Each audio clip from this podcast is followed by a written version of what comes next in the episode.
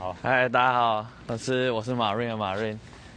我们家附近开了一间松本清，我现在跑来逛了一下，没想到里面竟然有治愈果子，好酷哦！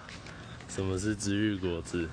就是之前安啾有拍过一集 YouTube 在玩那个啊、它是一个小小的东西，然后有汉堡、薯条，然后你要就是用小小的道具把它切一切，然后把它拼起来，变成一个可以吃的小小的汉堡。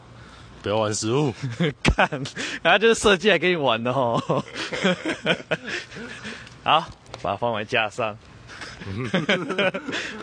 就这样，跟大家介绍一下松本清，还蛮酷的，大家可以来逛一下。